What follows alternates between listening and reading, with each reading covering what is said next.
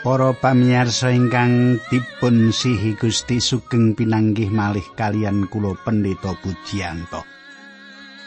Kula badhe sesarengan kalian panjenengan wonten ing sawetawis wekdal menika inggih menika wonten ing salebetipun adicara margi utami. Tumrap panjenengan ingkang nembe kemawon manggihaken gelombang menika lan mirengaken adicara menika. Adicara margi utami menika satunggalipun adicara ingkang nderekaken panjenengan nyemak kayektusan kayektusan saking pangandikanipun Gusti lan ugi nderekaken panjenengan nyemak saben kayektusan ingkang dipun pratelakaken kitab suci. Pengajeng-ajeng kula panjenengan pikantuk berkah secara kasukman lumantar adicara menika lan ugi wonten ginanipun kangge gesang panjenengan sugeng midhangetaken.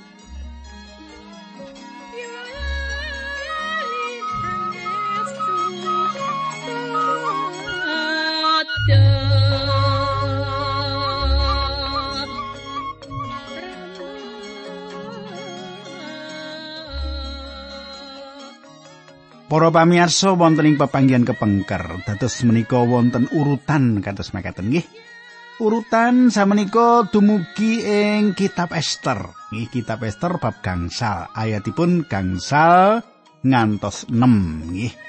Nah, para pamirsa, kita badhe sinau Ester gangsal ayat gangsal ngantos bab 6 ayat 8 makaten nggih. Nah, pepanggihan kepengker kula sampun ngaturaken bilih Ester tundhonipun sowan dumateng Sang Prabu lan Sang Prabu kepareng dumateng Ester kanthi ngatungaken teken masipun dumateng Ester supados mboten kapatrapan paukuman pecah. Nah para pamirsa, kintenipun kanthi kula ngaturaken sekedhik menika saged ngimutaken dumateng panjenengan ingkang sampun mirengaken kala wingi Nanging saderengipun kita lajengaken monggo kita tumungkul kita ndedonga langkung rumiyin.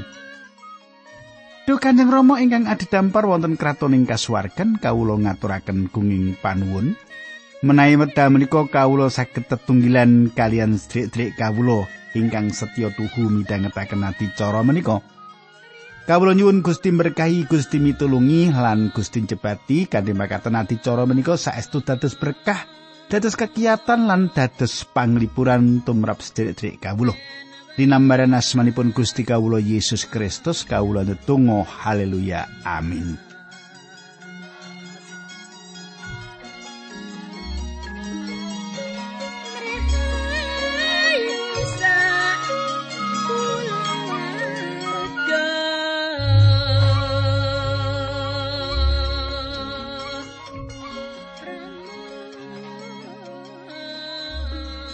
Para pamirsa kita wiwiti pasinaon kita wonten ing Ester bab gangsal ayat gangsal. Kala wingi sampun ayat sekawan kita sinau makaten nggih. Makaten surau sing pangandikan ing basa pedinan. Sang Prabu utusan nimbali Haman supaya inggal teka ngleksanani ulemane Ester nuli padha rawuh ing bujanane Ester. Kadang kula panjenengan saged ngraosaken kados pundi raos sing manah Sang Prabu ing wekdal semanten. Sang Prabu ngantikan supados Haman dipun ulemi Ester kembul bujana sesarengan supados piyambakipun nindakaken menapa ingkang dados panyuwunipun Ester. Sang Prabu ngendikan dumateng Haman supados nindakaken menapa ingkang dipun suwun Ester. Sang Prabu saestu maring isih kadarman dumateng Haman. Sang Prabu sampun ngangkat Haman dados perdana menteri. Sang Prabu sampun maringaken ali-ali utawi kalpikanipun kangge ngesahaken putusan bilih Haman badhe nyirnakaken tiang Yahudi. Putusan menika sampun dipun sebaraken. Nanging ing wekdal aben ajeng kalian Ratu Esther Haman kedah bangun turut dumateng Sang Ratu Esther. Dados kahanan ingkang kados makaten menika mapanaken kalenggahan Ratu Esther langkung nguntungaken. Sang Prabu lan Haman rawuh wonten ing bujana ingkang dipun wontenaken Sang Ratu Esther. Ayat 6. Bareng ngunjuk anggur Sang Prabu ndang saiki matura. apa sing kok karepake apa wae sing kok suwun bakal ndak paringake senajan nganti separone kraton kupisan kadang kula Ing bujana menika ketingal menawi Sang Prabu radi gugup lan Sang Raja ngraosaken wonten perkawis ingkang andadosaken gorehipun Sang Ratu. Sang Prabu nangkletaken menapa ingkang dados panyuwunipun Sang Ratu Ester malah menawi ngantos nyuwun sepalih negari pindah badhe dipun paringaken. Kanthi pratela Sang Prabu menika ateges Sang Ratu Ester saged nampeni menapa kemawon ingkang dados panyuwunipun. Paulus wonten ing serat Filipi sekawan ayat 19 meratelaken. Gusti Allahku bakal maringi apa sing kok butuhake manut kasugiyani sing luber-luber ana ing Sang Kristus. Kados menapa indahipun menawi kita gadah raja ingkang kados makaten menika para pamiyarsa. Nanging Gusti Allah menika langkung tinimbang raja manungsa. Kathah kelangkunganipun tinimbang raja manungsa. Panjenenganipun menika juru wilujeng kita. Panjenenganipun menika juru wilujengipun jagat. Panjenenganipun menika sampun ngatungaken teken masih rahmatipun dumateng donya ingkang ical menika. Kenging menapa raja ingkang kejem menika gadah kadarman lan sabar dumateng Ratu Esther ing wulang bebasan selikur ayat tunggal meratelaken Allah kang ngereh penggali raja persasat kali diilekake ing sak kersane piyambak makaten saking wulang bebasan ing salebetipun cariyos Esther Gusti sawek ngereh sang raja dateng arah ingkang katetepaken Para pamiyasa kita lajengaken Esther bab bangsa ayat pitu lan wolu. Atur wangsulan Ester. Menawi danganing penggalih mugi Sang Prabu lan Haman winjing-injing sonten kersa rawuh maling bujana kula. Wonten ing riku mangke kula badhe ngaturaken menapa ingkang dados panyuwun kula. kaya dalang ae nggih. Dadi nek wong wedok ya kaya wedok ngaten. Kateng kula ing pangandikan menika Ester dereng wantun ngaturaken menapa ingkang wonten ing manahipun dados anggenipun ngulami sang Prabu lan Haman kembul bujana enjangipun malih. Panjenengan saged ngatosaken raos ajrih ingkang wonten ing salebetipun manah wanita menika. Kita lajengaken ayat songo. Bali saka bujanane Ratu Ester Haman atine bungah banget. Nanging bareng lakune tekan gapuraning kedaton Haman weruh Mordekai. Mordekai ora ngadeg lan bungkuk ngurmati mulane Haman nepsu banget. Kadang kula Haman medal saking budana menika kanthi bombong ing manah awit namung piyambakipun piyambak ingkang sampun diulemi dados tamu saking Sang Prabu lan ratunipun. Saestu bombong Haman menika Haman Romaus bilih piyambakipun sampun nindakaken satunggalipun perkawis ingkang sae kanthi makaten ngantos piyambakipun dipun ulemi malih bujana kalian sang ratu lan sang prabu injangipun. Perangan menika nggambaraken kados pundi bilih ulang bebasan 16-18 meratelaken piangkuh kuwi nuntun marang karusaan lan wong gumedhe bakal ambruk. Para pamirsa, kita sinau saking Haman. Ing wekdal Haman nilaraken bujana menika, sedaya pengageng kraton sami mbungkukaken badanipun ing ngajengipun kajawi tiang satunggal inggih menika Mordekai hakim ingkang tetep ngadeg jejeg Panjenengan sakit gadah penggali menawi Haman ingkang gadah kalenggan inggil mboten metang perkawis ingkang sepele kados ingkang dipun tindakaken Mordekai menika ingkang nampik mbungkuk ing ngajengipun. Alah, sepele murti kaya ra ngajeni wong kabeh ngajeni aku. Nanging Haman mboten kados mekaten piyambakipun mboten nganggep remeh. Haman kanthi kebak piangkuh dumateng Mordikai nanging piyambakipun tasih ngendhaleni badanipun kangge sawetawis wekdal Para pamirsa ayat 11 Nanging nepsune mau diampet nganti tekan omah, bareng wis tekan omah, Haman banjur ngundang kanca-kancane semenuga seres bojone diajak lungguhan. Haman banjur umuk lan nyaritakake kasugihani anak-anake lanang pangkat dhuwur sing diparingake Sang Prabu marang dheweke semono bab derajate sing ngungkuli para punggawa liyane. Para pamirsa menapa ingkang dipun tindakaken Haman menika satunggalipun tumindak ingkang bodho.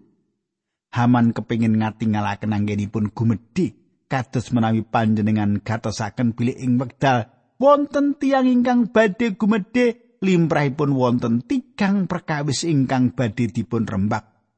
Ingkang kawitan tiang menika ngegungaken kasugihanipun, ngegungaken artanipun.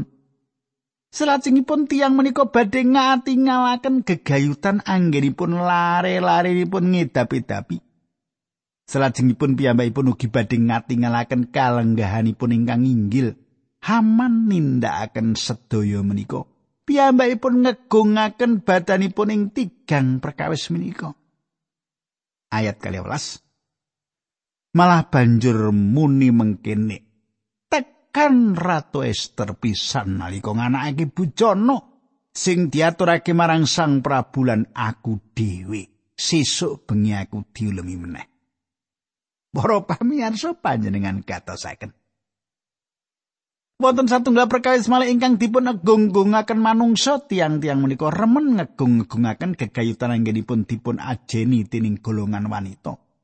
Haman nedha siang sesarengan kalian sang ratu dinten menika lan binjang piyambakipun badhe nedha dalu sesarengan kalian sang ratu malih. Ayat 13. Ewa semono kuwi kabeh ora ana tegese selawase aku ndeleng Mordekai lungguh ing gapuraning kedaton. Kadang kula. Haman boten saged nyupekaken anggenipun Mordekai mboten purun bungkuk dumateng piyambakipun. Sadaya ingkang dipun tampi menika mboten wonten napa-napanipun menawi dipun bandingaken kalian patrap mordika ingkang mboten purun saus kurmat dumateng piyambakipun. Satunggal sederek sanjang pilih jembaring dodo tiang saged katingali ing wekdal manahipun dipun tatoni. Menawi perkawis ingkang alit kemawon sampun andhetosaken tatu ing manahipun, pramila sejatosipun manahipun tiang menika cup Menawi namung perkawis ingkang ageng ingkang saged natoni manahipun pramila tiyang menika jembar dadanipun. Menapa ta ingkang andadosaken panjenengan kuatos? Menapa wonten perkawis-perkawis ingkang sepele ingkang andadosaken manah panjenengan boten jenjem? Ampun ngantos perkawis-perkawis ingkang boten wonten napa-napanipun menika ngrisak gesang panjenengan. Menawi dumados kados makaten menika nandhakaken menawi manah panjenengan menika cupet utawi kerdil. Nanging saperangan kita ngakeni biyen namung perkawis-perkawis ingkang alit kemawon ingkang andadosaken gesang kita mboten tentrem. Haman meratelaken bilih badanipun menika tiang ingkang manahipun cupet utawi kerdil. Ayat 18. Krungu sing mengkono mau bojone lan kanca-kancane kabeh banjur ngusulake mengkene akono gawe cagak kanggo gantung sing dhuwure 20 meter. Banjur sesuk-esuk kowe nyuwuna idin marang Sang Prabu gantung murdika ing cagak mau. Srana mengkono kowe sesuk bisa nekani bujana kuwi kanthi ati lega. Usul mau miturut Haman becik banget. Mulane enggal-enggal perintah wong gawe cagak gantungan. Kadang kula Seres semaipun lan para mitranipun atur sumbang surung. Supados damel cagak kangge gantung murdikai. Sore menika tiang-tiang menika ngedekaken cagak kangge gantung murdekai inggilipun kalih dosa meter. Panjenengan galih perkawis menika. Emot leripun nami Mordikai inggih menika alit. Mordikai menika badanipun alit dados menawi ngantos damel cagak gantungan inggilipun kalih dosa meter. Kamangka Mordikai menika cendhek lan alit. Menika nedahaken kados pundi sengit saketing manah gregetenipun tiang-tiang menika dumateng Mordikai. Kanthi usulan ingkang kados makaten menika andadosaken Haman saged tilem kanthi sekecok. Para pamirsa, samenika nganti ing kitab Ester bab 6. Ayat setunggal kula waosaken nggih, kecerita bengi kuwi Sang Prabu Rabisosari. Mulane utusan jupuk buku catatan sejarah keraton lan dawuh macake. Kadang kula kasunyatan bilih Sang Prabu mboten saged sare inggih menika perkawis ingkang remeh. Nanging Gusti Allah ngginakaken perkawis-perkawis ingkang ketingalipun remeh. Wonten dalu ing pundi dalu menika Sang Prabu ngraosaken wonten bebaya kangge gesangipun. Nanging dalu menika anggenipun Sang Prabu mboten saged tilem dados jalaran malikipun kahanan ingkang kasrat ing kitab Ester. Menapa panjenengan sampun ngatosaken Gusti Allah ginakaken perkawis-perkawis ingkang alit kangge nindakaken rancanganipun. Mataun-taun saderengipun wonten ing Mesir, Gusti Allah nunggalaken manahipun priyantun setri lan tangisan bayi wekdal putri prengon manggihaken bayi Musa ing bengawan Nil. Kanthi prastawa menika, Gusti Allah ngribah nasib satunggalipun bangsa. Satunggalipun perkawis ingkang dumados ing kedaton susan Sang Prabu mboten saged tilem. Dados Sang Prabu paring dawuh para abdinipun supados mbetakaken seratan ingkang boten yang semaken kekayutan kerajaan dumateng piyambakipun. Para abdi menika maosaken ing ngarsanipun Sang Prabu wekdal ingkang bebayani sampun langkung lan samenika badhe ningali astanipun Gusti Allah wiwit makarya. Kadang kula wonten abdi ingkang dipun timbali kapurih maosaken seratan sejarah menika. Satunggal seratan utawi perangan-perangan gegayutan kerajaan menika ing dalu menika para abdi sawek ngolah alik. Ngolah alik perangan-perangan sejarah kerajaan menika perkawis-perkawis ingkang alit wiwit numpuk lan meratelaken astanipun Gusti Allah ingkang makarya. Gusti Allah ingkang ngendhaleni kahanan mboten awet kalarsan Esther dados ratu. Mboten satunggalipun kalarsan beli ratu Esther sowan Sang Prabu lan nampi sih kadarmanipun Sang Prabu. Mboten satunggalipun kalarsan Sang Prabu nampi uleman ing satunggalipun bujana samenika ing wekdal piyambakipun mboten saged tilem lan mboten satunggalipun kalarsan menawi abdi ingkang maos sejarah menika dumugi perangan ayat kali lan tiga cobi panjenengan semak ing kono diceritake yen Mordekai nglaporake ana komplotan arep nyedani Sang Prabu sing sarembuk mau briktan lan teres loro-lorone abdi sing jaga kamari Sang Prabu. Sang Prabu ndang E opo Mordekai wis dihormati lan opo sing wis diparingake kanggo mal selabuhane? Aturi abdi kang kadangu tiang menika mboten angsal menapa-menapa. Kadang kula sejarah menika meratelaken kekayutan tiang kalih ingkang gadah rancangan mejahi Sang Prabu. Murdekai mireng rancangan awan ingkang dipun tindakaken kanthi sesideman tiang kalih menika. Mordekai nyukani mangerto dumateng Ratu Esther lan Ratu Esther ngaturaken dumateng Sang Prabu. Lelampan menika dipun serating sejarah kerajaan. Dilalah. Sang Prabu ndangu menapa ingkang dipun paringaken dumateng Mordekai kekaitan kalian anggenipun mitologi Sang Prabu menika? Abdi menika naliti lan atur wangsulan. Tiang menika mboten angsal menapa-menapa sawetawis perkawis menika lumampah. Kori menika wonten ingkang notok ayat sekawan gangsal 6 Sang Prabu ndangu meneh sapa sing saiki ana ing plataran Dumadakan naman mlebu ing pelataran kedaton karepe arep nyuwun idin marang Sang Prabu nggone arep gantung murdika ing gantungan sing wis ditekaki. Para abdi padha matur marang Sang Prabu, menika Haman wonten badhe sowan Sang Prabu. Dawe Sang Prabu konon mlebu. Bareng Haman wis mlebu banjur didangu ana wong sing arep ndak hormati gedhen. Apa sing kudu ndak tindake kanggo wong kuwi? Haman mikir. Sapa meneh sing arep diparingi pakormatan gedhen dening Sang Prabu kejaba aku. Para pamirsa, pas ing wekdal Sang Prabu manggihaken bilih Mordekai mboten nate nampeni ganjaran, awit sampun milu jengaken nyawanipun Haman swan Sang Prabu. Sang Prabu ndang sapa kang ana plataran kuwi? Tiang menika inggih menika Haman. Haman ugi mboten saged tilem Haman sowan dumateng kraton kangge nyuwuni dipalilah gantung murdika ing cagak ingkang sampun dipun cawisaken kangge gantung murdikae. wungunipun Haman menika gadah hak istimewa saged sowan dhateng kraton kapan kemawon sak kajengipun. Ing wekdal Haman mlebet Sang Prabu paring pangandikan babagan ingkang boten dipun lairaken mila bukanipun. Haman sowan kanthi rancangan nyuwun nyawanipun Mordekai wedal ingkang sami Sang Prabu nyawisaken satunggal ganjaran dumateng Mordekai sing siji arep gantung sing siji arep maringi ganjaran. Kadang kula menapa ingkang dumados meratelaken kados pundi Gusti Allah ngreksa. Gusti Allah tetep mirsani umat kagunganipun sinau setiang-tiang menika wonten ing sanjawinipun karsanipun Gusti Allah. Ing papan ingkang tebih saking menapa ingkang dipun kersakaken Gusti Allah, tiang-tiang menika tetep boten tebih saking tuntunanipun Gusti secara langsung.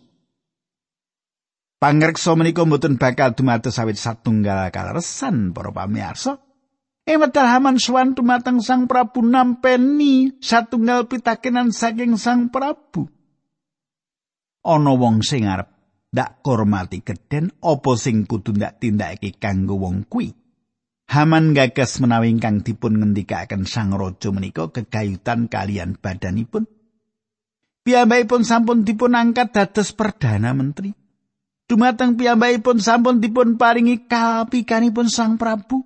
Piyambakipun sampun nampi izin kangge nyirnakaken tiang Yahudi. Mesti kemawon boten wonten tiang salesing kerajaan menika ingkang manut piyambakipun nampeni pikurmatan saking Sang Prabu kamangka ingkang dipun penggalih Sang Prabu inggih menika Mordekai ayat pitungan tosongo Ester bab 6 mulane banjur ngaturi wangsulan mengkini. Tiang menika dipun anggenono pengangge ingkang limrahipun dipun agem tining Sang Prabu piyambak. Lajeng kapal titianipun Sang Prabu dipun pacai mawi hiasan keprabon lajeng wonten priyantun luhur ingkang nganggekake ageman wau dhateng tiyangipun sarta ngarak tiyang wau kalian numpak kapal mubeng kita. Priyantun luhur wau tindak ing sengajengipun tiyang wau kalian mungel soro. Mengkene carane Sang Prabu ngurmati lan paring piwales marang wong sing ngelabeti panjenengani. Kadang kula sifat sejatos zaman katingali saking jawabanipun. Kulo yakin panjenengan saged ningali menapa ingkang wonten ing salebeting manahipun Haman ngundheraken mripatipun ing dampar. Piyambakipun kada pepinginan ing wedal sampun titi mangsa badhe mejahi Sang Prabu inggih menika cariyos kegayutan kerajaan Persia. Angin sanget ing jaman semanten lenggah dados raja menika langgeng ing kerajaan Persia. Malah ing sejarah Israel kados ingkang dipun serat ing setunggalan kalih para raja saestu wonten ing salebetipun bebaya nglenggahi kalenggan raja menika. Satunggalipun perkawis ingkang lucu ningali cekakipun jaman pemerintahan para raja wonten ingkang namung nyepeng panguwas kalih wulan kemawon. Ing wedal wonten raja lenggah dampar keprabonan ningali sakiwa tengenipun, piyambakipun boten mangertos sinten rencang lan mengsaipun. Tiang ingkang dados raja kalawa boten saged mbayangaken awit piyambakipun ngrumaosi bilih sinten kemawon ingkang dipun lenggahaken mbiyantu piyambakipun saged mejahi. Awit ugi gadah kekajengan dados raja, cetha sanget ing mriki Haman ing manahipun ugi kados makaten. Kadang kula menapa ingkang dipun tindakaken Haman? Piyambakipun nyawisaken tiang-tiang wedal kalunggan raja menika wonten ing tanganipun. Kula gadah pemanggih bilih Sang Prabu sampun sanget nginten-inten Haman menika namung mikiraken badan piyambak lan cetha mboten mikiraken Mordekai. Para pamirsa kula sigek semanten rumiyin kalajengaken dinten candhaipun. Nah, monggo kita tumungkul kita pungkasi pepanggian kita. Kanjeng Rama Swarga kawula ngaturaken gunging panuwun menawi kawula saged sinau lampah gesangipun bangsa ingkang sampun kapiji dening paduka. Saestu pangrengkuh panjangkung pangreksa paduka dumateng kawula ingkang sampun pitados dumateng paduka. Dinambaran asmanipun Gusti kawula Yesus Kristus kawula netunggal haleluya. Amin